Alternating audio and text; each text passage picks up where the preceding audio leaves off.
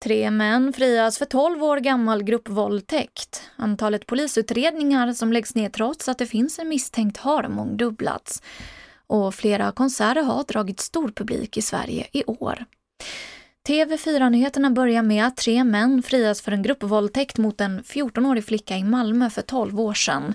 Det här meddelade Malmö tingsrätt idag. Flickan utsattes för en gruppvåldtäkt på Ribersborgsstranden i Malmö 2011. 12 år senare kunde polisen gripa tre personer efter en DNA-träff. Men idag meddelade alltså Malmö tingsrätt att de åtalade männen som idag är i 30-årsåldern frias från brottsmisstankarna om grov våldtäkt mot barn. Nato förlänger Jens Stoltenbergs mandatperiod som generalsekreterare. Det här rapporterar Reuters. Den nuvarande perioden för Stoltenberg löper ut i september och han har redan fått sin mandatperiod förlängd tre gånger, senast förra året när Ryssland invaderade Ukraina. Antalet polisutredningar som läggs ner trots att det finns en misstänkt har mångdubblats i Sverige. Det här visar Kalla faktas granskning.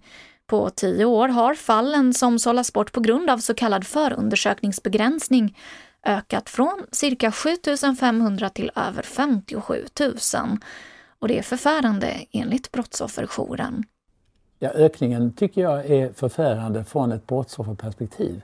Därför att här inryms ju många fall där den som då är brottsoffer i ett enskilt ärende eh, lätt kan säga varför skulle just mitt fall bli utrensat? Det sa Sven-Erik Alhem som är ordförande för Brottsofferjouren. Och flera konserter har dragit stor publik i Sverige i år.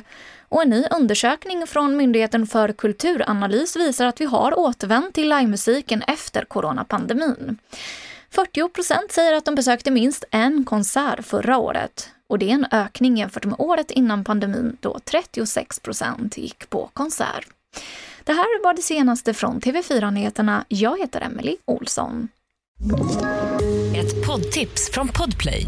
I fallen jag aldrig glömmer djupdyker Hasse Aro i arbetet bakom några av Sveriges mest uppseendeväckande brottsutredningar går vi in med hemlig telefonavlyssning och, och då upplever vi att vi får en total förändring av hans beteende. Vad är det som händer nu? Vem är det som läcker?